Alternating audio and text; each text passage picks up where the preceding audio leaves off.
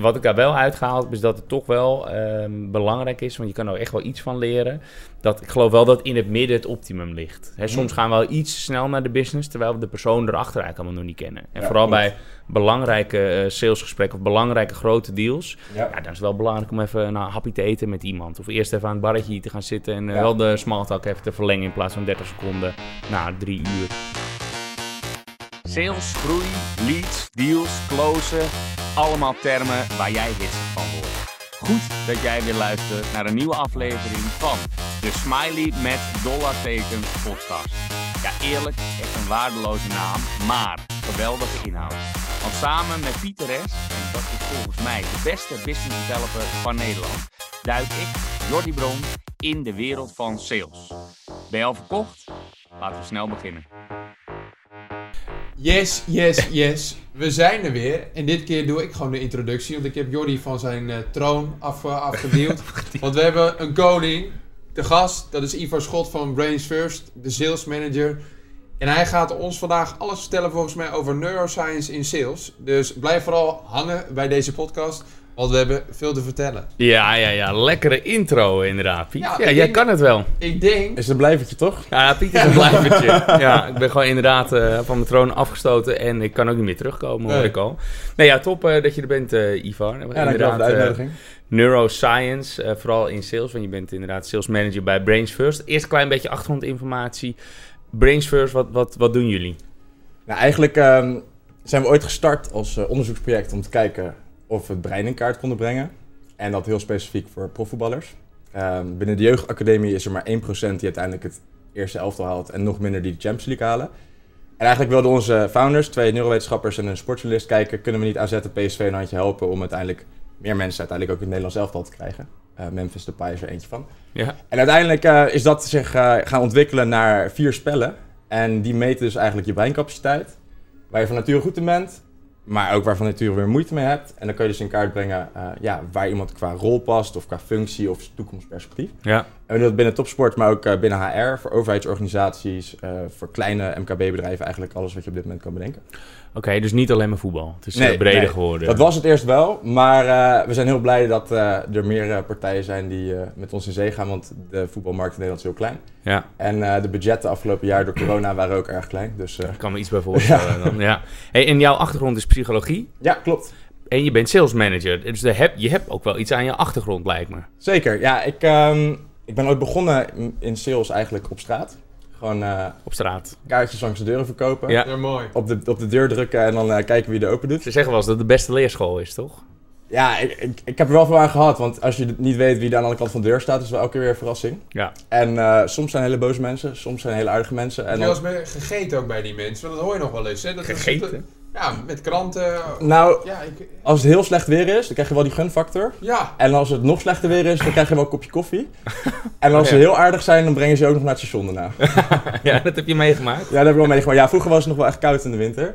Eh dus we hebben het over 12 jaar geleden. Ehm na, na 8 uur s'avonds wil je dan niet bij min 10 nog eh, langs de deuren. Dus zeiden ze, blijf maar even zitten. En dan soms zat je Ah, nog met iemand op. Playstation Ja, of zo. ja, ja, ja, ja. Hey, mooi. Maar we moeten toch eventjes Ja, eh, fast terug, forward naar, eh, naar het heden. Want je bent sales manager. Ja. eh, en nou ja, wat ik zeg, je hebt, je hebt daar vast wel iets aan. Hoe anders is jouw kennis als sales manager omdat je psychologie gedaan hebt ten opzichte van ons?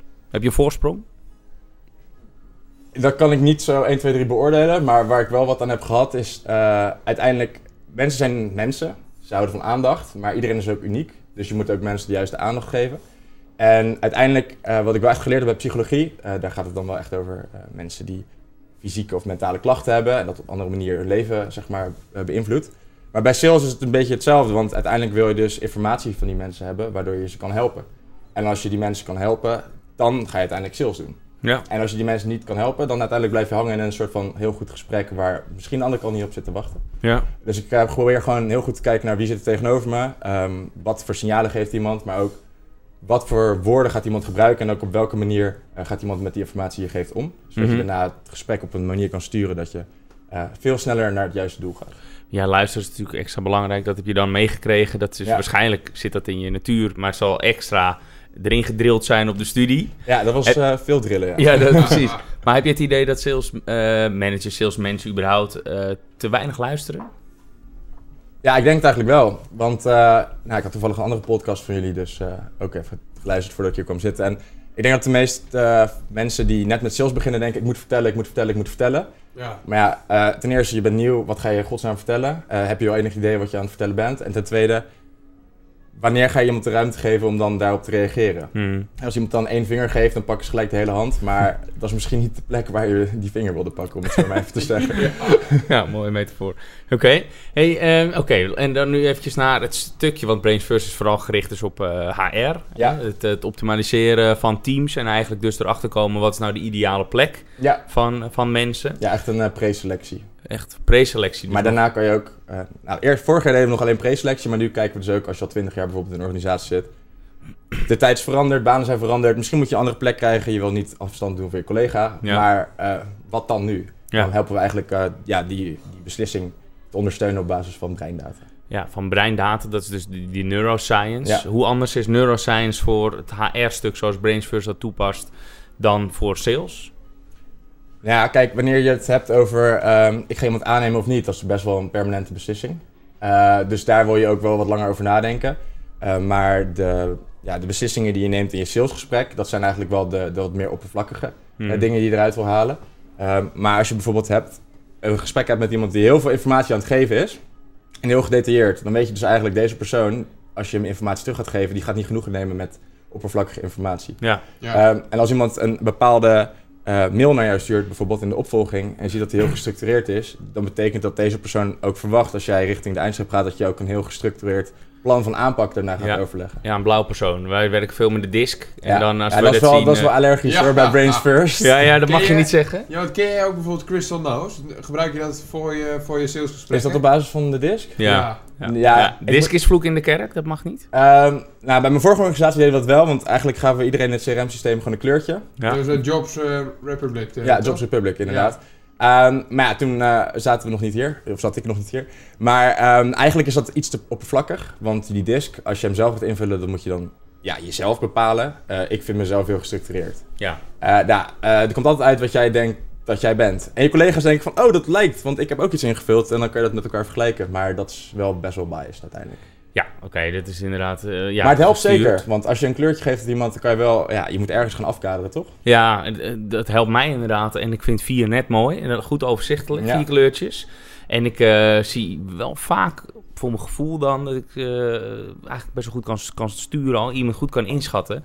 Best wel snel. Ik doe dat best wel automatisch nu, merk ik. Ja. Hè, dus daar hou ik ook echt rekening mee. En inderdaad, wat jij zegt eh, in dat hele gedetailleerde e-mailtje, dan herken ik dus een blauwe persoon. Ja, En dan weet ik dus, oké, iemand op zijn gemak stellen. En dan moet ik inderdaad ook heel veel details benoemen. En niet Klopt. alleen maar de visie vertellen, maar juist eigenlijk hè, afbakenen en echt helemaal terugschalen naar wat Ja. we morgen gaan doen. Dus zo ben ik daar wel heel bewust mee bezig, ja. Maar dat doe ik aan de hand van disk. Maar ja, dat is jullie dus niet. Nee, maar dat is een goed begin, denk ik. Want uiteindelijk, eh, op het moment dat je voor jezelf... Kijk, je voert heel veel gesprekken. Eh, heel veel mensen die onthouden heel veel dingen, maar je kan niet alles onthouden. En sommige mensen in sales die onthouden ook helemaal niks. Dus Ja. dan moet je toch elke keer weer opnieuw terug naar... Oké, wie is deze persoon? Hoe, hoe was het toen? Ehm, en als die structuur ervoor zorgt dat je minder fouten gaat maken... ga je ook steeds beter worden richting de bovenkant, denk ik. Ja, want dat is waar jij mij op eh, betrapte toen. eh, dat- ik denk dat je er nog wel bij zat. Dat je toen tegen mij zei... eh, ah, in de sales cycle, joh Pieter, dat heb ik al je verteld. Je valt nu in herhaling. Ja, klopt inderdaad. Ja, ja, ja, ja. ja, ja. Ik, joh, ik vind het niet erg om, het, om dat hier te vertellen, maar dat... ja. Ja, maar dat is wel... Sommige mensen... Ik had bij mijn vorige werkgever een collega... En echt waar, als je nu een gesprek had... was je morgen vergeten wat van A tot Z gezegd werd. En die moest het echt blijven opschrijven. En die structuur hielp hem ook om uiteindelijk succesvol te zijn. Ja. Maar je moet ook gewoon erkennen... Soms ben je ergens goed in. En dat is ook weer een beetje psychologie. Weet wat je valkuilen zijn. En soms ben je ergens helemaal niet goed in. Ja, dan moet je wel Nee, maar dit ging echt om een detail. En dat was of dat je, volgens mij, zei ik van... Ja, je woont in Rotterdam toch? Nee, je woont in Amsterdam. Of het ging om je leeftijd. En volgens mij ben jij 27 of 26. Ik ben nu 28, maar dat- het is ook even Ben je, geleden. ben je jarig geweest? ik ben augustus jaar geweest. Ja, klopt inderdaad. Ja, oké. nou, dus Maar het ging inderdaad, jij zei hoe is het in Rotterdam? Maar ja, Ja. ik vertelde dat ik altijd naar Feyenoord Ja, ging. ja. Maar ik woon in, hier gewoon in Nou, hoek. ja, Ah, Dat. oké. Ja. Ja, dat is de verwarring nog wel. Dat snap ik dan wel. Ja. Ja, oké. Maar inderdaad, eh, ja, ik, ik herken me eigenlijk wel een beetje in eh, het voorbeeld van eh, degene die altijd alles moet opschrijven, heb ik namelijk ook. Omdat ik gewoon all over the place ben en zoveel dingen tegelijk Ja. gebeuren. Ja, hè? geheugen is ook niet zo, niet zo best. Nee, jouw geheugen is wel goed. Ja, mijn geheugen is ook goed, maar ik heb ook grote Behalve. Amsterdam, Rotterdam. Ja. Nee, verder valt het wel mee, Piet. Ja, Oké, maar ehm, ik wil nog eventjes naar de, nou ja, eigenlijk even de meest gemaakte fouten. Niet alleen in, in hiring. Ja. Eh, dat is natuurlijk waar Brains First dan eh, goed in is. En dat eigenlijk ook voor waken. Dat je Ja. dus iemand op de goede plek zet. inclusiviteit allemaal meenemen. Ja. Ik zou misschien wel eventjes... Maar ik wil eerst even het salesgedeelte bekijken. Wat, wat zijn nou veel gemaakte fouten... die je dus met neuroscience vol kan zijn?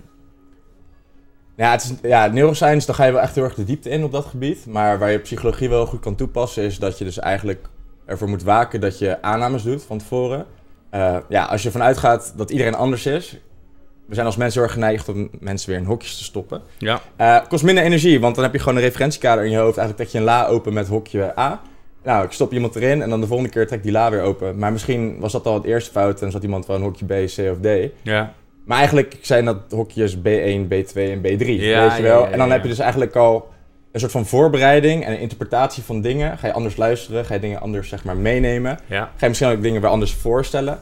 Terwijl, misschien wilde iemand wel vier verschillende inzichten van je. Maar als Ja. jij besloten dat dit inzicht bij iemand zou werken, dit is de USP die ik eraan ga koppelen. En dan vervolgens blijf ik daar in je opvolgen eigenlijk. En ik blijf iemand content geven, ik blijf iemand achtervolgen op verschillende zaken. Maar iemand was helemaal niet geïnteresseerd in al die kleine dingetjes. Maar iemand was eigenlijk veel meer gericht op innovatie of in samenwerken. En dan heb je uiteindelijk veel meer eh, haakjes die je over het hoofd ziet. Ja, oké. En toch helpt het mij, ik zoek daar een beetje de balans in. Ja, En dat is vind, belangrijk, vind, ja. vind ik moeilijk om dan tegen mezelf te zeggen, nee, niet meteen een vooroordeel hebben. En tegelijkertijd helpt me zo'n hokje denken wel bij, ja, op een gegeven moment moet je een keuze maken qua aanpak. Ja, klopt. Dus eerst is hij generiek. Nou, en Ja. dan ga ik het steeds meer afbaken. Steeds meer richting geven aan een kleurtje dan in mijn Ja, geval. Dat vind ik gewoon lekker.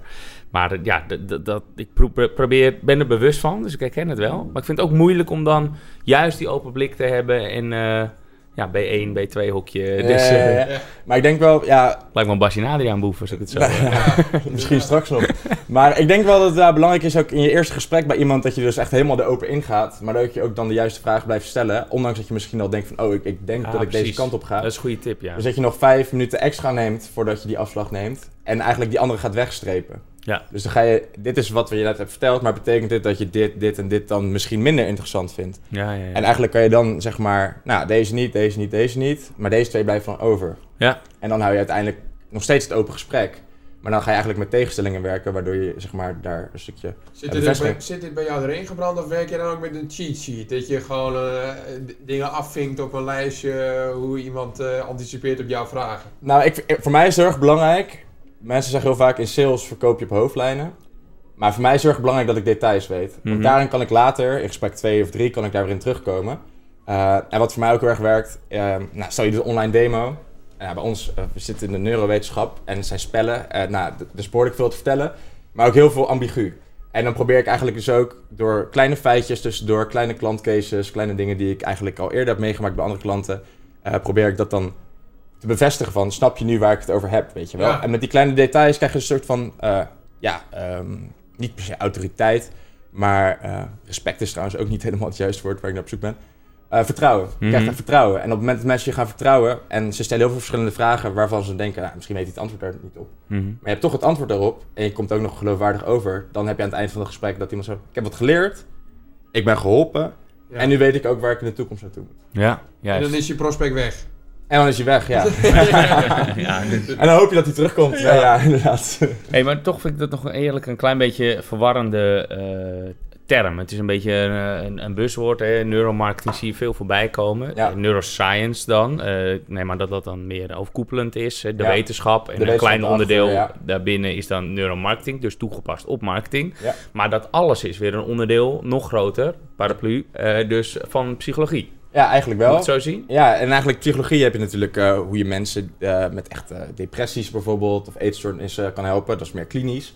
En dan neuro is echt gericht op ja, neuronen. Dat zit echt eh, in je hersenen. Ja. En eh, neuromarketing is eigenlijk daar weer een afgeleide van. Want eh, dan ga je eigenlijk kijken wat gebeurt er in iemands hersenen als je reclame laat zien. Ja. Ehm, een hele mooie is, eh, ik weet niet of jullie nog de Bravia-televisie van Sony kunnen herinneren. Ja, ja, ja. Ja, dan is er Voor zo'n... mijn tijd, denk ik. eh, ja, 2006. Oh. nou, jij was er toen ook al. Maar dan heb je dus, zeg Net, maar... net aan was. Die, die was helemaal groot uitgepakt. Dat is in San Francisco allemaal van die ballen die ze dan over straat lieten stuiteren. En dat duurt 2,5 minuut. En dan tijdens die reclame heb je één kikker die springt in een halve seconde uit zo'n regenpijp. En dan gingen ze dus kijken, allemaal mensen, wat er in hun hersenen gebeurde. En eigenlijk de positieve attitude voor die televisie kwam door die halve seconde van die kikker. Je hebt 2,5 minuten advertentie gezien eigenlijk. Maar je kreeg een positief gevoel bij die televisie door die kikker. Niet door die ballen, niet door die kleuren, niet door het hele zweverige nummer erachter. Maar dat is dus neuromarketing. Dat je dus de hele kleine dingetjes eruit gaat pakken Ja. die je gedrag Maar dan meet je dat gewoon echt in zo'n... eh, zo- dan lig je in een tube en dan heb je zo'n eh, een, petje op eh, met van die eh, dingen op je Ja, hoofd, ja, en dan meten ja. ze gewoon echt die, signaaltjes Ja, in je exact. hersenen. Ja, en dan gaan ze nou kijken van hoe heeft dat je gedrag beïnvloed en hoe kan je uiteindelijk dus daar positieve koopsignalen mee opwekken. Oh, wauw. Ja, maar Cool. goed. Dat is dus echt de neuromarketing erachter. Vooral in de reclame dus. Ja, exact. Pas jij nou iets hiervan toe? Ja, kijk, Brains First, eh, ik vind dat we heel mooi product hebben. We moeten nog steeds veel meer klanten hebben. Maar eh, hoe zeggen ze dat altijd? Eh, het lek bij de loodgieter. Ja.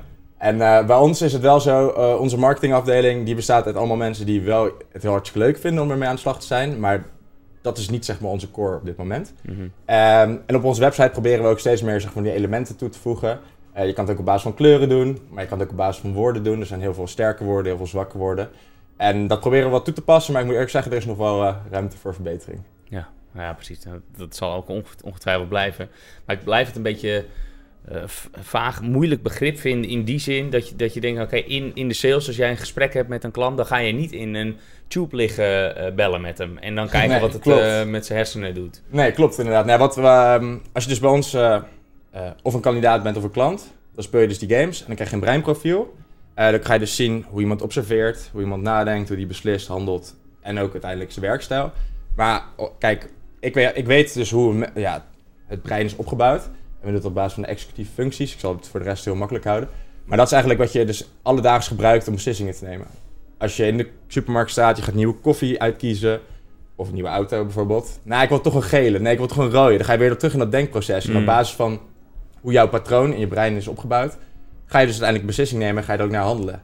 En dat ga je natuurlijk wel na een tijdje herkennen als je ook... eh, Als jij bij ons bijvoorbeeld die game speelt, ga ik met jou bespreken. Nou, ik zie dat je heel erg ontvankelijk bent, maar wel echt heel analytisch nadenkt. Dat ga je natuurlijk ook weer terugzien in patronen uiteindelijk. Ja, In de mensen tegenover je zitten aan tafel. ja oké. Ja, mooi. Ja. En dat zie, je ook in die- dat zie je dus ook terug in die e-mails bijvoorbeeld. Nou, dit is eh, een mooi bruggetje naar de stelling. Want jij zegt eh, gaaf. Ehm, komt de stelling van de week. Die eh, hebben we niet voorgelezen volgens mij. Dus eh het Nee, is nog niet niet. geoefend. Dus hij is spontaan. Ehm, iedere business developer moet een cursus neuromarketing gedaan hebben. Ja, ik vind... Nee. Nee, want neuromarketing is dus niet het juiste woord. Neuroscience. Neuroscience, maar dat is weer eigenlijk te breed. Ik denk dat... hm, Ik denk dat men moet beginnen met... Je doet sales. Je zit tegenover een mens. Wat is dat mens eigenlijk? Wat, wat voor types hebben we eigenlijk? En als je dus allemaal types hebt, kan je gaan bepalen... Oké, dit zijn wel mijn types, dit zijn niet mijn types. Net zoals heel veel bedrijven, daar heb je gewoon geen klik mee. Want er werken gewoon mensen die eigenlijk gewoon niet zo in jouw doelgroep liggen bijvoorbeeld. En dan kan je ook gaan kijken van... Zit ik bijvoorbeeld beter bij, in mijn vakgebied dan bij de HR-manager of de HR-directeur of beter bij een recruiter. En dan kan je dus gaan kijken van... Oké, ik praat dus met mensen. Ik heb nu een beetje idee van welke types goed bij me aansluiten. Natuurlijk, hoe langer je sales doet, je gaat steeds hoger in de hiërarchie eigenlijk, om het zo Mhm. maar te zeggen. Ik haat dat woord trouwens, hiërarchie. Ja. Maar ja, eh, uiteindelijk als je een hele grote deal wil sluiten, dan moet je wel met iemand met budget hebben. En je kan wel heel lang bij de, eh, ja, onderaan blijven hangen, maar daar heb je niet zo aan. Ja. Maar als je dus eh, heel goed inzicht hebt in van wat voor mensen, hoe, hoe werken mensen, wat ben ik eigenlijk voor mens. Vanuit de psychologie, dan kan je heel goed gaan bepalen, oké, dus hier ben ik wel goed in, hier ben ik niet goed in. Dan kan je ook in je salesgesprek gaan kijken, ik moet niet te lang bij deze punten blijven hangen, want dan blijf ik eigenlijk in mijn zwakte zitten. Dus dan kan je ook het gesprek sturen naar de plek waar jij eigenlijk gaat shinen. Hmm. En ik denk dat dat wel heel veel toegevoegde waarde is. Want ja, we, sowieso, ik denk een beetje ook van onze generatie, is heel veel onzeker. En we hebben heel veel bewijsdrang. Ja. Maar ja, waar komt dat eigenlijk vandaan? Dat is ook weer die onzekerheid en die stress die eigenlijk die andere kant met zich meebrengt. Ja. Dus als je wat beter jezelf leert kennen, kan je ook wat beter dat toepassen in je gesprek. En zo'n neuroscience eh, cursus die zou daar dus bij helpen. Omdat je dus ook bewust wordt van nou, de ander, maar ook van jezelf. Wat voor type mens je bent. Ja, klopt. Nou, kijk, ik zou het ja, nog een keer niet echt een neuroscience cursus noemen, maar ik zou het wel zeggen, maar kijk gewoon eerst oppervlakkig gewoon, waar, wat vind ik ook interessant ervan, want dat kan je ook makkelijker leren. Eh, maar als je echt wil begrijpen hoe het brein werkt, eh, we zijn allemaal gewoon opgebouwd uit Lego-steentjes, maar net iets anders. Dan kan je ook gaan bepalen, oké, dit zijn dus mijn sterke gebieden. Misschien wil ik wel helemaal geen sales doen, maar wil ik alleen, zeg maar, eh, de account management aan de achterkant doen. Ja. Of misschien wil ik wel alleen maar business development doen, want ik ben juist heel goed in die scherpe signalen oppakken aan het begin.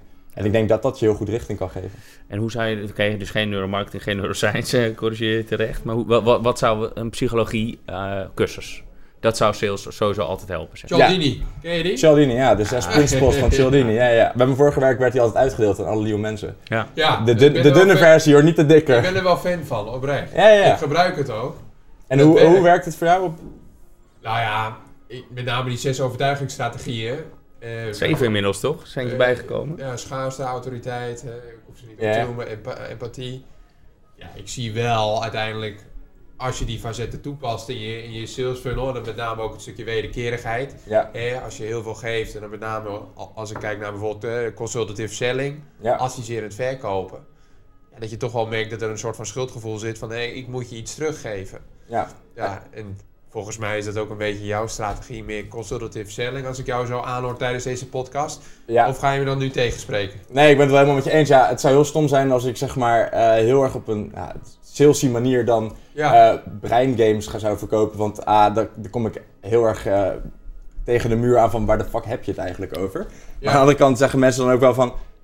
Ja, ik heb geen idee waar je het over hebt, dus laat maar zitten. Ja, dat je dacht ik al, even tussendoor. Van begrijpen die HR-managers altijd waar jij het over hebt? Want dat lijkt me nog best wel complex. Nou ja, nu in deze podcast is het voor mij allemaal nog te begrijpen. Maar Ja, ik denk dat ook nu ook de makkelijke termen gebruikt. Maar als je, eh, loop je daar wel eens tegenaan? Dat zegt, zeg je, ik weet echt niet waar je het over hebt. Nou, wat wij wel gemerkt hebben is, zeg maar, koude acquisitie is voor ons product veel lastiger dan als je, zeg maar, eh, mensen eerst een download laat doen of als je mensen Ja. eerst, zeg maar, gewoon via andere kanalen eh Ja, wat een beetje opvoeden eigenlijk. Ja, exact. En dit is wel echt heel de tijd dat mensen bias arm willen selecteren. Eh, ja, gelijkheid, inclusiviteit, Ja. hot topic. Dat lijkt me een goed probleem om op, op in te haken, toch? Hè? Ja. dat inderdaad. Dat is ook schuldgevoel, hè? Want Ja. dat is niet per se naar mij, maar naar de rest van de samenleving eigenlijk. En niemand wil discrimineren. Nou, dat, De bijna niemand wil discrimineren. Juist. Maar ja, dat is wel. eh, dan moet je gewoon op, heel erg op zoek gaan naar wa- waarom wil je ons inzetten. En dan kan je het wel uitleggen, want dan nemen ze er tijd voor. Ja. Ehm, in een koude acquisitiecall, dan moet je echt heel erg goed oppassen met wat je zegt. Want ja, sorry, eh, ik snap je niet, maar ik heb ook geen tijd. Nou, Ja. dan houdt het wel heel snel op. Ja. Maar dan lijkt me dat events, eh webinars of liever nog live events ook heel goed werken voor jullie. Ja, ehm, wat ook heel goed werkt is awards. Ja? Eh, want dan kan je Ja, content dat over hebben jullie wel vaak, hè? Ja, ja, toevallig hebben we met AZ een award gewonnen voor de beste eh, talent acquisition in innovatie. Ja. Dus eh, dat was heel cool. Nou, AZ heeft afgelopen jaar heel veel eh, spelers verkocht voor heel veel geld. Eh, en de netto... Gaat niet zo goed bij ze nu, hè? Nou, ja, Nee. ze, hebben wel, ze hebben wel 60 miljoen nu op de bank. Money first in plaats van een brains first nu. Ja, ja. ze zijn wel gelukkig nog eh, aan boord voor de komende vier jaar, dus dat scheelt. Oké. Maar ja, uiteindelijk is dat wel eh, heel erg belangrijk, want dan krijgen mensen ook een ander spectrum. Oh, het werkt niet alleen binnen HR, maar het ook binnen sport. En bijvoorbeeld Luchtverkeersleiding Nederland, ook een klant van ons. Die zet daar ook heel erg op in van, ja, je moet eigenlijk dus iedereen gewoon een ruimte geven. Eh dan kan je iedereen toelaten en dan gaan we daarna kijken wat eigenlijk die mensen zijn eh, in ons proces. Ja. Ja, precies. Nou, oké, je weet in ieder geval dat de factuur betaald wordt eh, van AZ als ze nog eh 60 miljoen op de bank hebben. Dat, Is de commissie ook al afgetikt? dat, eh, dat is niet eh, voor mij. Ja, oké. Ja, mooi. Maar goed, eh, ja, eh, ik, ik blijf dat toch wel een integrerende term vinden. Al is Ja. hij dan een, een beetje besmet, dan sta je er niet helemaal achter, hè, dat hele neuroscience eh, gedeelte. Het is ook een beetje een buswoord, denk ik. Ja, Ik denk het inderdaad. wel. Ja, want inderdaad, ik, ik zie ook best wel veel neuromarketingbureaus opeens eh, bestaan, Ja. ontstaan. En dan denk ik, zo anders doe je het niet dan eh, gewoon een online marketingbureau. Maar het, Ja. het klinkt wel cooler. Ja, klopt. Maar dat is ook een beetje met game-based assessments. Zo eh, noemen we onze games eigenlijk ook. Maar nu tegenwoordig is alles een game-based assessment. Zelfs een IQ-test waar je een radertje hebt wat zeg maar zo rondloopt. Dat is ook een game-based assessment omdat ze er Ja. een gamified element in hebben gestopt. Ja, En ik denk dat dat sowieso een beetje van deze tijd is op internet. Eh, je kan alles er neerzetten en je doet er een Google Ads bij. En dan vervolgens komen mensen op je website. En dan pas in het gesprek komen ze erachter van... Oh ja, dit is toch helemaal niet wat ik in mijn hoofd had. ja, dat is ook zo. Geven jullie zelf veel eh, events en webinars? Ehm, we geven tegenwoordig ook trainingen. In de zin van, ehm, ja, we hebben het net de hele tijd over selectie gehad, maar we geven dus nu ook loopbaanbegeleiding op basis van eh, het carrièrekompas, zoals we het nu noemen. Ja, En eh, toevallig eh, werken we dus al met twee grote gemeentes samen, die Ja. we dat eh, nu gaan inzetten. Maar we gaan nu ook eh, individuele coaches helpen om mensen richting te geven in hun carrière op basis van hun brein. En ehm, we staan toevallig eh, volgende week bij de Recruitment Tech Awards. Eh, hopelijk mogen we er eentje in ontvangst nemen. ja. Eh, met twee cases. Eh, en je merkt wel echt dat je dan ook gewoon een andere doelgroep, mensen hebben wat meer tijd, eh, Ja. mensen komen ook bij je stand staan en ze kunnen ook wat eerst observeren, zijn ze een beetje van, oh, eh, wil ik hier wel bij staan natuurlijk. Ja, ja, ja. Maar aan de andere kant kan je dan ook wel gewoon het hele verhaal vertellen. En je merkt ook wel als meer mensen bij elkaar komen die allemaal in hetzelfde vakgebied zitten, maar dan wel vervolgens ook weer hun expertise op tafel leggen, dat je gewoon een heel open gesprek kan houden. Weet je? Ja, En dat, maar dat is bijna alsof je op een beurs staat dan bij zo'n award uitreiking. Je hebt dus echt een stand. ja, ja, we, ja, kan, hoeft niet altijd. We stonden ook in Parijs eh, afgelopen zomer bijvoorbeeld, op Ja. eh, Viva Tech, Future of Work. En dan kwam ook eh, de minister-president, in ieder geval de toekomstige. Eh, hij is nu, eh, ik wilde bijna running gag zeggen, maar hij is dus running mate van Macron. Ja. Eh, uit dezelfde partij voor Lyon. En eh, daar zijn ze gewoon heel erg geïnteresseerd van hoe kunnen wij als land ook dingen veranderen in talentselectie en identificatie. En hoe kunnen we ook dat gelijke... Ja, in Amerika is natuurlijk al diversity en inclusion echt een hot topic. Mhm. Maar je merkt wel gewoon dat landen er nu ook voor openstaan. En als landen er voor openstaan, dan ga je dus ook zeg maar, ja, de organisaties er achteraan krijgen. En je hebt natuurlijk semi-overheden en al die andere organisaties die gaan labelen. Ja. En ja, uiteindelijk, je moet gewoon een spreektijd krijgen. En we zijn een kleine organisatie, maar ik kan met iedereen gaan praten. Maar je moet ook op zoek naar de mensen die ervoor openstaan. En als, Ja. en als je die niet hebt, ja, dan heb je 100 gesprekken op een week. Hmm. En dan heb je er 95 voor niks gedaan. Nee, oké, maar het kan me koud bellen dat dat niet werkt als het Ja. zo'n eh moeilijk, eh, eh, moeilijk tussen aanstekens voor jou makkelijk, maar eh, onderwerp is. Het is Ja. een buswoord inderdaad. Maar ja, goed, events, awards, dat kan ik me helemaal voorstellen. Beurzen inderdaad, dat je dan toch interesse al gewekt hebt, dat ze je een beetje leren kennen en dat je daar het gesprek, en dat zal wat langer duren dan een Ja. gemiddeld gesprek. Hè? Je gaat het toch allemaal uitleggen, dus Ja, dat klopt. stukje opvoeden dus. Ja, echt opvoeden. Ja, ja. Heb je, daar, heb je daar ook echt eh, materiaal voor, als in brochures of whitepapers? Wat, wat heb je aan content? We hebben ehm, eigenlijk, nou, toen ik dus net begon, toen hebben we heel erg in kaart gebracht van, niet alleen ik hoor, maar heel erg in kaart gebracht van wat voor verticals zitten we eigenlijk in? Waar willen we eigenlijk eh, succesvol zijn en waar zit er ook gewoon geld? Want ik ben begonnen in corona. Ik kan jullie alles vertellen over online onboarden, dat is helemaal niet leuk. Maar ehm, ja, dan moet je toch op een manier, ehm, we zaten in luchtverkeersleiding, nou, ja, geen vliegtuigen. We zaten Ja. in voetbal, Ja, eh, alles plat. alles plat. Ja, dus dan ga je toch op zoek naar eh, bijvoorbeeld een business is trading, waar we in zitten, stocktraders. Die hebben ook heel specifiek breinprofiel. Je moet heel goed heel veel informatie kunnen verzamelen, maar ook heel veel over details hebben. Nou, daar zijn we op gaan focussen. Daar zijn we one-page voor gaan schrijven, two-pagers, eh, blogs, content op de website, maar ook bijvoorbeeld eh brain boosts noemen we ze toen. En dan ga je toch, zeg maar, eh, de HR-managers van grotere bedrijven die dan toch op vrijdagmiddag misschien even iets anders willen, ga je dan toch daar eh 20 minuten van de tijd roven. En dan uiteindelijk zorg je ervoor dat het gesprek zo op andere manieren gaat. Ja. En we doen ook wel online campaigning. Ehm, zoals ik al zei, wij zijn niet de grootste helden erin. Dus onze websitebouwer die doet dat nu voor ons. Ja. Maar Ik ken ook het- wel een partij trouwens. Ja, ik, ik ken hem ook nog wel. Ja, Ja, ja, ja, ja, ja. Was bijna, was bijna hier ook eh, gelukt inderdaad. Maar ehm, ja, misschien komen we er later nog wel eens op. Er is altijd ruimte voor verbetering, zoals ze zeggen. Ehm, maar ja, dat is dus wel een manier dat je met het kleine team toch heel veel eh, noise kan genereren. Ja. Juist. Maar, want hoe groot is het team dan nu? We hebben op dit moment vijf vacatures openstaan. Blijkt lastig om te vullen. Volgens mij hebben jullie daar ook eh, last Ja, van. ja we willen wel tien eh, aannemen. Maar we hebben net twee nieuwe collega's aangenomen. eh, en we zijn nu met 13 Ja. of 12. Hebben jullie al een growth marketing ma- manager? Nee, nog steeds niet. Ja, die is, wel- die is een schaars hoor. Ja, ja, dat- die zijn heel schaar. Maar misschien kunnen jullie wel eentje aan ons eh detacheren. Ja, als we ze eerst vinden. Dat we begint Ja, Jordi er is- bij. is het bij jullie ook nog steeds? Jordi, Jordi heeft tijd over. Ik heb tijd zat. Ja, Jullie ik- zijn ook bezig met van die LinkedIn eh, video's, toch? Om mensen zeg maar eh, in jullie funnel te trekken. Ja, dat heb Ja. je van mij gezien, of niet? Ja, ja, klopt. Maar toen gaf je aan dat het best goed werkte. Hebben jullie daar al mensen uit aangenomen? Nou, ik heb eh, heel veel mensen op gesprek gehad, maar niemand is aangenomen. Dus ik ben gestopt met recruiten. Ja. Maar ben jij, ligt dat aan jou als recruiter of lag dat aan de mensen die Het het lag, op het, gesprek... lag, het lag aan het profiel van de mensen. Het lag aan de, aan de briefing van ons. Ten eerste, ik zal even hand in eigen boezem steken. Het lag echt aan de briefing. Want jij had het echt goed gedaan. Je had, Ik vond het echt knap dat je Ja. gewoon eh, iets van zeven mensen of zes mensen op gesprek had. Ja, nou, volgens mij ondertussen tien, maar eh, Van geen de- succes. van de 60 video's. Kijk, veel geld verdienen, salaris was vooral het probleem. Kijk, mijn indicatie lag net even wat hoger, eh, zeg maar. Nee. Ja, je had inderdaad veel eh, Senior, seniors, ja. seniors. En we zoeken echt wel een medior eh, profiel. Iedereen dat was zoekt mediors. Hoe kan het nou dat iedereen mediors zoekt? Dat Ja, is, echt Ja. hè. Ja, we hebben nu een senior aan tafel, dus sorry Iva. Ja. het is wat het is, ze dan, hè? Ja, nee, maar het is inderdaad een eh, war on, on talent, hè, Ja. zoals ze dat eh, nu noemen. Ja, het super eh, populair profiel, die growth manager eh, voor ons. Dan is het niet alleen growth manager, ook de growth hacker rol, dat is bij ons dan Ja. de junior rol dan. Die zoeken we ook. eh, ja, en eigenlijk hebben we zoveel klanten in, in de wacht staan dat we dat eigenlijk zonde is. Dat is de enige groeibelemmering momenteel. Ja. Ja, luxe probleem, maar Luxe echt een groot probleem. Ja, ja, ja, dat is, nee, maar dat is echt, want ja, wij zoeken dus een sales executive, een growth marketeer en eh, ook een front-end slash eh, back-end developer of een full-stack developer.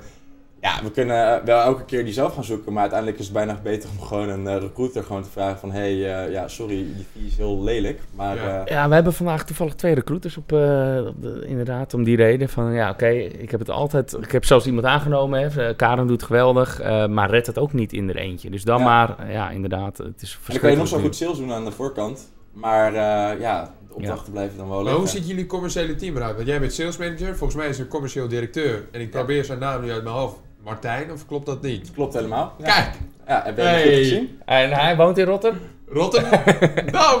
Nee, nee, nee. Binnenkort, ik ga voor, binnenkort verhuizen. Maar goed, de Oh, echt? Ja. Ja, echt? Oh nee, je- het weer goed. Dan ga ben je je helemaal Ja, ik straks. heb nu vijf jaar bijna in Amsterdam gewoond. eh, nog nooit in Rotterdam, kom er vandaan. Eh, geboren in het Havenziekenhuis, maar eh, ik dacht, kijk eens weer wat anders. Ik hou wel van afwisseling. Ja. Ja, je, Ja, je, verplaatst je naar de prospects, waar ze zitten, of? Nou, de gemeente Rotterdam is toevallig een klant Ja. voor ons, dus dat vind ik wel heel leuk. Ja. Ja. Ja. Nee, maar ehm, ja, we hebben dus Martijn Groot, onze commercieel directeur, en eh, Jens Oerbauer. Hij is een eh Duitse consultant. Hij doet voor onze Duitse markt. Hij, is, bev- hij doet bijvoorbeeld Duitse voetbalclubs, maar ook de Duitse luchtverkeersleiding heeft hij eh, binnengehaald. En dat is het eigenlijk een beetje op dit moment. En we Jij zijn doet echt Nederland. Ik doe Nederland, maar ik doe ook eh, bijvoorbeeld internationale gesprekken. Ja. Ik heb ook wel eens gesprekken gehad met Shanghai of eh, Dominicaanse Republiek. Is toch wel anders, want ik vind het niet zo heel chill omdat je dan om 9 uur s avonds of om 7 uur s ochtends eh, per ongeluk als iemand kent die op de hele verkeerde Ja, manier ja, ja. gebruikt, zit je dan daar achter je laptopje. Maar ehm, ik vind het wel heel mooi om te zien dat je dan met andere culturen en ook andere manieren van mensen benaderen en ook andere feedback. Ik heb ze niet allemaal binnengehaald, dat begrijp ik niet verkeerd. Ja. Maar iemand uit Shanghai die heeft toch wel niet zijn camera aan, bijvoorbeeld. Ja, Eh, net zoals bijvoorbeeld ook in India, doen ze ook camera bijna Oh. nooit aan. is want dat is gewoon... dan ook niet. Van, eh, hey, Ik vraag gewoon, nee, er is kapot aan mijn, ja, is Oh. iets kapot aan je camera. Ja, Is dat cultuur? nou ja, wat, ehm, wat ik uit Azië heb begrepen is dat gewoon, ja, Jens, dat hij is dus wel, wel twee keer zo oud als ik. Hij heeft vroeger ook dus zeg maar ehm cameratechnologie, die je nu voor de VAR gebruikt in voetbalstadions. Ja. Dat heeft hij dus zeg maar ingebracht eh, rond de mille- mille- mille- millennium. Ja, Dat, ja.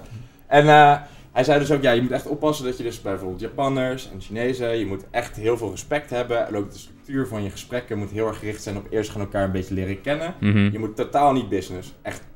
Als je Ja, denkt van, dat- oh, dit is niet business, dan is het al te business, zeg Ja. maar. Gewoon. ja. ja, en dan, dan, dan is hun manier van zaken doen is gewoon niet zo. Ja, klopt. En Ik dat- eh, heb een tijdje in, in China gezeten. Om, eh, ik heb in de ledlampen gezeten. En dan ging ik wel eens naar China. En dan was het eerst met een, eh, met een fabrikant twee dagen karaoke zingen. Ja, en dan ging, eh, ging het een keer over de inkopen hebben. Ja, super raar. Ja, maar daar- heb je daar nog iets uit meegenomen wat je nu nog zeg maar denkt van, ja, Nou, dat, vooral dat wij heel direct zijn. En dat vind ik heel eerlijk, vind ik veel lekkerder. Wij doen even korte small talk eh, op, op, op Zoom ook trouwens. Van eh, ja, goed, even kennis maken. En dan, nou oké, hup, naar de, naar de business. ja. Dat duurt 30 seconden. Maar daar duurde het echt, nou niet overdreven, een volle dag. Het niet over business hebben. En dat kriebel, dan ga je uit eten. En dan liggen er van alle dingen op je bord waarvan je echt niet wil weten wat het dan is. en dan ga je daarna dus een, eh, een, een vies hockey in. Waar een tv staat met eh, Spice Girls eh, ondertiteld. En dan moet je meezingen. ja, ja nou, dus van. Ik heb daar geen, gelukkig geen Is opname dat de reden van. waarom je daar weer weg bent gegaan uiteindelijk? Of is dat... eh, Nee, nee. Het, het was, ik vond dat heel eerlijk internationale business vind ik om die, niet, eigenlijk om die reden ook gewoon niet leuk.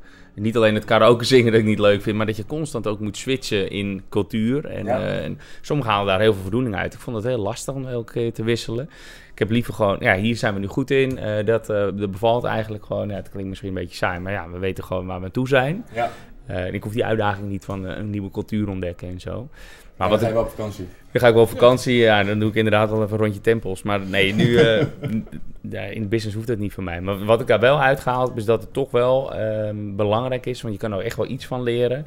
Dat, ik geloof wel dat in het midden het optimum ligt. Hè, soms gaan we wel iets snel naar de business, terwijl we de persoon erachter eigenlijk allemaal nog niet kennen. En Ja, vooral bij belangrijke eh, salesgesprekken of belangrijke grote deals. Ja. Ja, dan is het wel belangrijk om even een happy te eten met iemand. Of eerst even aan het barretje te gaan zitten en eh, Ja. wel de small talk even te verlengen in plaats van 30 seconden na drie uur.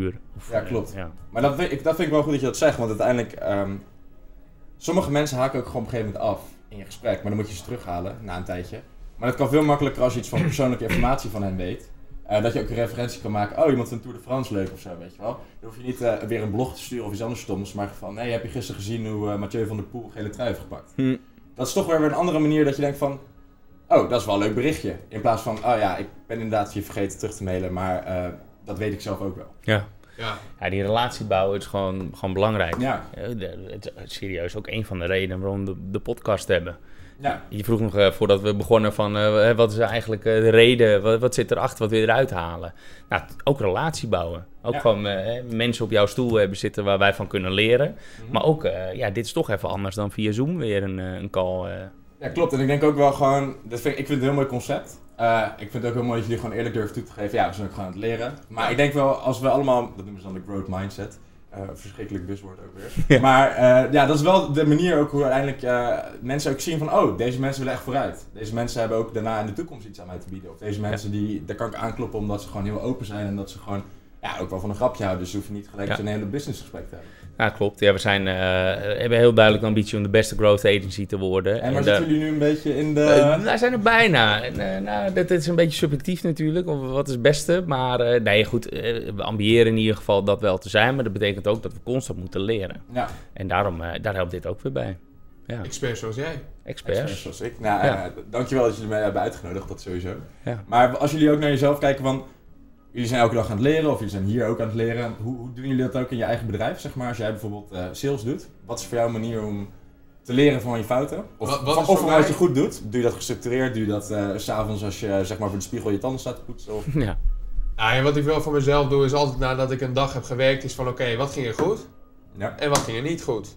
En hoe kan ik dat de volgende keer tackelen? Maar gewoon in je hoofd. Nee, dat schrijf ik echt op. Echt dus dat heb ik echt gewoon op papier staan om zo continu mezelf te verbeteren. Nou, dan hebben we ook nog kennis wat ik intern lees, qua, qua blogs, qua nou, podcasts die ik ook, eh, ook luister. ja. Maar vooral ook gewoon learning by doing, gewoon, gewoon gaan. Ja, maar ik vind het wel knap hoor, dat je dat dan ook echt opschrijft. Dat wist ik niet eens. Dat je daar echt zo, zo gestructureerd mee bezig bent. Ja, in, in het bedrijf hebben we heel erg de mindset, dat durf ik echt wel te zeggen, van leren met z'n allen, kwetsbaar op durven stellen, radicaal transparant noemen we het ook wel. Dat betekent ook dat je elkaar feedback moet geven. Een foutje maken dan niet. Ja, en ook maar ook eh, eh, aangeven als je twijfels hebt bij een aanpak van iemand. Omdat het geen exacte eh, wetenschap is. Sommige dingen zijn heel eh data-driven. Maar Ja. ja, wij, wij doen B2B growth hacking. En eerlijk, daar is gewoon minder, daar is gewoon minder eh, data Geen voor. neuroscience. Het is geen neuroscience. ja. Nee, dus we zijn wel constant bezig met elkaar scherp houden. We hebben bijvoorbeeld op de vrijdag hebben we ook een smart sessie. Waarbij we dus ook om die reden allemaal weer leren en elkaar eh, ja, nieuwe dingen eh, tonen. We hebben ook after lunch sessies. Nou, kun je raden naar de Ja. lunch. Ja. Maar dat is ook weer om eh, het, het geleerde te delen met elkaar. Ja, en ik denk ook wel dat dat, ook wel om even terug te komen, zitten natuurlijk in een sales podcast, dat dat wel ook een van de dingen is waar de meeste mensen ook echt het schip in gaan. Want je hebt een kutkwartaal, ja, dan kan je weer hard gaan rammen, maar ga nou maar eerst een week gewoon echt stilstaan bij wat, wat heb ik eigenlijk Ja. gedaan, wat heb ik fout gedaan, waar liep ik tegenaan, je kan het elke dag doen. Ja, Maar dan moet je eigenlijk aan het eind van je kwartaal, moet je al die dagen bij elkaar optellen en dan zie je ook gewoon op een gegeven moment een gemene deler van ja, ik, ik had het kunnen weten als ik dit drie kwartalen eerder had gedaan, want dan had ik namelijk dit en dit en dit kunnen voorkomen. ja. Ehm, en ik heb ooit van mijn vorige manager, hij was eh, een van de top 5 salesgasten van eh, LinkedIn. Toen LinkedIn nog niet zo bekend was als nu. Eh, ook geleerd van als je dan in de auto terug zit, ga dan inderdaad eerst even alles parafraseren. En ga ook gewoon even kijken van wat waren de momenten dat ik geen reactie kreeg. Mhm. En ook op de weg naartoe, stop eerst, laatste kwartier, half uur, geen muziek op de radio. Iedereen, je zit een uur in de auto. Nou, tegenwoordig is het veel online, maar ga gewoon een kwartier stilte in je hoofd. En ga bepaalde zinnen even uitspreken en denk van, klinkt dit goed? ja. ja. En dan kom je vanzelf achter, oh, ik hoor mezelf praten. Ja, dat is misschien een beetje ongemakkelijk af en toe, maar dan kom je wel jezelf tegen, letterlijk. Ja, ja, ja, ja. En dan ga je vervolgens wel heel makkelijk daarna ook weer feedback aan jezelf kunnen geven, want je hebt al jezelf kwetsbaar naar jezelf opgesteld. Ja. Ja, mooi. Ja, maar dat lijkt me ook moeilijk om, om te doen. Hè? Dus ten eerste discipline hebben. Discipline, ja, maar dat is wel een beetje sales, toch? Ik zeg niet dat ik er altijd eh, heel goed in ben, hoor. Maar uiteindelijk als je beter wil worden, is het wel gewoon... En wat, hoe doe jij dat dan? Nou, we hadden laatst dus ehm, in ons business, ik kan er niet te veel eh, details over geven natuurlijk, maar ehm, we verkopen heel makkelijk een introductiepakket. Of een pilot. Iedereen houdt van pilots, weet je wel. Maar op een gegeven moment hebben we dus wel eens moeite gehad om die pilot vervolgens om te zetten ja, naar, naar gewoon een licentie of een vierjarig contract. Maakt niet uit wat het is. Maar dat kun je alleen maar doen als iemand dus ook geholpen is. Maar wat eigenlijk de, de truc is, is in je eerste gesprek, al voordat je überhaupt in zo'n pilot zit, de eerste kennismaking, wat is nou eigenlijk de reden waarom wij gaan samenwerken? Mm. En heel vaak is het dan candidate experience, ik wil bias arm selecteren. Ehm, ik wil quality of hires, ROI op mijn recruitment, allemaal van die dingen. Maar je kan niet alles tegelijkertijd oplossen, weet je wel. Soms heb je gewoon bijvangst, maar je moet gewoon één probleem oplossen. En dan kan je naar zo'n pilot zeggen, hebben we het opgelost toch? Kan je bij wijze van spreken al, terwijl die pilot gaat beginnen, in het contract zetten. Als we dit bereiken, gaan we dan samenwerken. En dan zegt iedereen ja, want dat is de reden dat we überhaupt met jullie gaan beginnen. Ja. En dan heb je eigenlijk dus de dag dat je begint met samenwerken al vastgezet. Als we dit doen, dan gaan we daarna een jaar of twee of drie Mhm. of vier. En toen gingen we dus analyseren, na 15 pilots, waarom blijven die pilots allemaal hier hangen? Ja, dan kom je er gewoon achter dat je bijvoorbeeld niet het budget hebt eh, voor het jaar daarna. Want kijk, een pilot kan iedereen kan er zijn handtekening onder zetten. Maar dan heb je bijvoorbeeld niet het budget om naar 100.000 euro te gaan, of zelfs meer, maar wel naar 10.000. Dus dan heb je niet aan het begin gevraagd, hey leuk dat we een pilot gaan doen. Oh, Maar heb je al budget- budget voor Ja. 10 profielen of voor een jaar samenwerken? Ja, ja, ja. En dan kom je eigenlijk aan achter. Je bent elke keer weer aan het analyseren aan het Ja. leren en denk van, ah, dat ik kunnen vragen. Ja. En daar gebruiken we dus een model voor, het heet BAND. Of je dat kennen. Ja, ja ik, ik weet niet meer waar het voor staat. B-A-N-T. BANT, ja, budget, authority, Oh ja. need en time. Maar jij vraagt dus al heel snel, hoe zit het met je budget? Nou, ik, ik zeg eigenlijk eerlijk, als je in je eerste gesprek dat niet vraagt, dan is het gemiste kans. Ja, Hm. oké. Want... Zonde van de tijd. Ja, maar ook een beetje voor jullie, voor jullie business dan, hè? Jullie, eh, jullie, zijn, jullie werken per uur, toch? Ja, een soort van. We hebben pakketten. Pakket inderdaad. Maar ehm, ik kan me voorstellen als jullie zeggen, hé, hey, eh, was dit pakket voor je per maand? Ja. Maar ik kan het maar drie maanden betalen. Ja. Ja. Dan is er mijn budget voor het jaar op. Ja, gaan we dan wel een samenwerking aan? Nou, maar dat tackelen we op zich al. We zeggen eigenlijk altijd standaard, nee, we doen een pilot van 12 maanden. Ja. Beginnen bij 30 uur. Alles gaat uit hetzelfde pakket. En daar staat gewoon een vast bedrag voor. En als je sneller wil, dan, ja, dan moeten we meer uren reserveren. Nou, maar dat vind ik heel goed, want dan heb je dus inderdaad voor 12 maanden heb je dus zeg maar afgesproken. En dat is ook een hele mooie periode. Ja, bij ons zijn pilots dan drie maanden. Ja. En dan gaan, gaan we gewoon één profiel opstellen, of twee of drie. Nou, in het begin dacht ik, ja, één profiel is goed beginnen, maar nu kom je ook steeds vaker achter. Als mensen echt geholpen willen worden, waarom zouden ze drie maanden wachten om de volgende profielen aan te schaffen? Ja. Ehm, maar ja, dan moet je dus wel ook achterkomen, hé, hey, eh, straks eh, wordt het model net iets anders. Eh, ben je daar wel klaar mee of ben je klaar voor? Nee, ik heb dat budget nog niet. Nou, dan moet je eigenlijk die mensen gaan helpen om dat budget te gaan genereren. En daar staat dus voor Authority. Ehm, een voorbeeld is dat iemand die een recruiter is, die kan wel voor een nieuw projectje. Innovatie is ook bij heel veel bedrijven belangrijk. Mhm. Ga ik daarvoor eh, wel tekenen. Maar de HR-manager moet uiteindelijk, of de HR-directeur moet uiteindelijk zeg maar, de strategie voor volgend jaar bepalen. En de visie. En dit moet eigenlijk dan van bovenaf moet Ja, ja, ja. het hele hiringproces moet anders. Mensen moeten getraind worden. Mensen moeten eh, ja, ook misschien op een ander plekje worden gezet. Sommige mensen moeten uit het proces. Ja, dat kan ik niet voor ze doen. Dus dan moet er iemand van bovenaf bepalen. Of hij beslissingsbevoegd is. Daar staat die eh authority voor. Ja, daar staat authority Ja, ja. voor. En die niet is dus, ja, ga ik de behoefte oplossen of niet? Mhm. En als mensen niet zo goed weten wat er niet is, dan weet ik sowieso niet zo goed waarom we aan tafel zitten, want dan ben je geen informatie aan het Nee. geven. En de time, en dat is echt denk ik ook de allergrootste fout. Ehm sales cycles hoeven niet lang te zijn, maar jij bepaalt zelf wanneer je begint en wanneer je eindigt. Dus als jij nu zegt, vindt het interessant, ja, we hebben de B, we hebben de A en de T, of- en de N, maar je wil pas in Q1, heb je pas tijd voor om ons te implementeren. Waarom ben ik nu dan die demo aan je het geven? Ja. Denk je dat je over een half jaar nog weet wat ik je nu verteld heb? Ja. Dus Ja. dan kan je eigenlijk zeggen, nou, eh, leuk, we gaan gewoon deze kennismaking voorzetten. Ik zet nu een afspraak in de agenda, eh, eind Q1 2022. Ja. Ja. En dat ik, is die ik tijd. ga dat checken, hè, dat BANT-band. Ja. Dat werkt echt supergoed. Ik, Ja, het is eigenlijk gewoon een, een, een voorfilter. Hè? Je moet gewoon vier checkmarks kunnen Ja, zetten. Wil je doorgaan? ja. En Ja, anders, goeie. en anders We hebben wel een checklist, maar die Ja. ja. ja, lijkt die wel een beetje op. Ja, we kunnen er wel een keer over sparren, want zeg maar, nu is het heel simpel B, A en T, maar in de A heb je ook heel veel sub-A'tjes, zeg maar. En in de B ook. Ja, en nou, net al net gezegd, ja, als je dus lang wil samenwerken, moet je ook lang budget hebben. En als je geen budget hebt, hoe gaan we dat creëren? En wat zijn je kosten nu? Wat is een mishire? Wat is uiteindelijk zeg maar je op je recruitment? Hoe lang zijn de gesprekken? Hoe vaak moet iemand op gesprek komen, bijvoorbeeld? Ja. In de trading kan je je voorstellen dat een senior trader, die doet het laatste gesprek, voordat hij wordt aangenomen. Maar ja, één uur senior trader aan een sollicitatiegesprek kost misschien wel 50.000 euro. Hmm. Dus hoeveel is het jou waard om die senior trader, zeg maar met de juiste kandidaat aan tafel te hebben? Nou, zo kun je helemaal gaan Ja, doorrekenen. ja, ja. En uiteindelijk eh, komt er een mooi bedrag uit. Ivo, we kunnen nog wel eh, een paar uur doorpraten, maar we moeten misschien maar een deel 2 maken, want we zitten echt eh, aan de tijd. Ik denk dat dit de langste aflevering is, zeg ik zo voor Ja, maar wel de beste, denk ik. Nou, Ja, dankjewel. wel, eh, complimenten. ja, zo is het. Echt super, super leerzaam. Wat ik zeg, we moeten maar eens een deel 2 doen. Hey, ja, thanks voor nu. ja, Ja. geen probleem. Ivan, Dankjewel jij voor gaat het volgens mij kijken. naar Berlijn nu. Ik ga naar Berlijn, ja. Over Dus, eh, eh, 2,5 uur zit ik in het vliegtuig. We moeten afsluiten. Nou, veel plezier daar dan. En Dankjewel. thanks voor nu. Ja, helemaal Goed. Yes. Hoi. Hoi. Jij wordt de beste business developer en ik hoop dat onze podcast daaraan zal bijdragen. En dan wil ik maar gelijk een beroep op jou doen. Zou je me een plezier willen doen en een review achter willen laten in je podcast-app? Dat helpt ons om beter te worden en zo zullen we meer mensen bereiken. Alvast bedankt en tot volgende week.